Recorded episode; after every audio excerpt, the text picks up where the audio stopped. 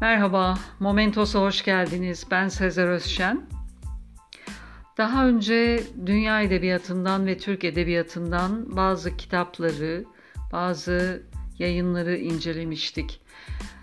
Bu sefer Türk Edebiyatı'nın unutulmaz 10 kadın roman karakterini inceleyeceğiz. Bugünkü ilk yayında Halide Edip Adıvar'ın Handan isimli eserini inceleyeceğiz. Halide Edip henüz 17 yaşındayken matematikçi, bilim adamı Salih Zeki Bey ile 1901 yılında evlendi.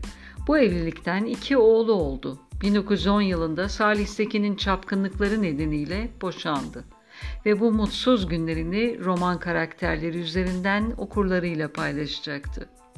Handan romanı 1912 yılında tefrika edildi.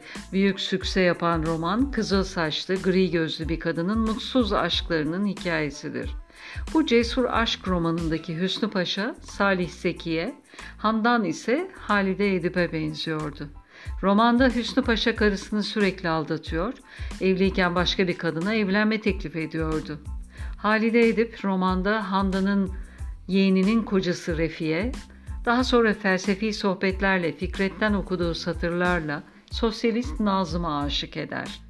Halide Edip bir kadının cinsel arzu ve buhranlarını en açık haliyle yazarak okurları şaşırtmıştır.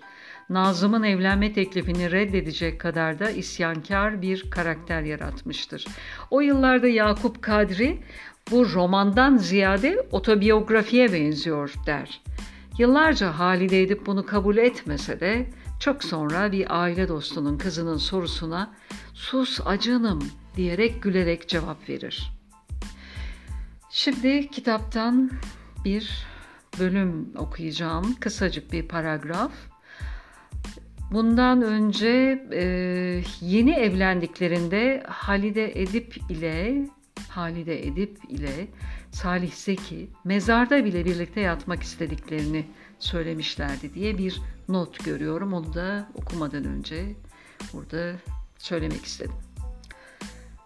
Kibirden büyük acı var. Vücudum o kadar senindi ki.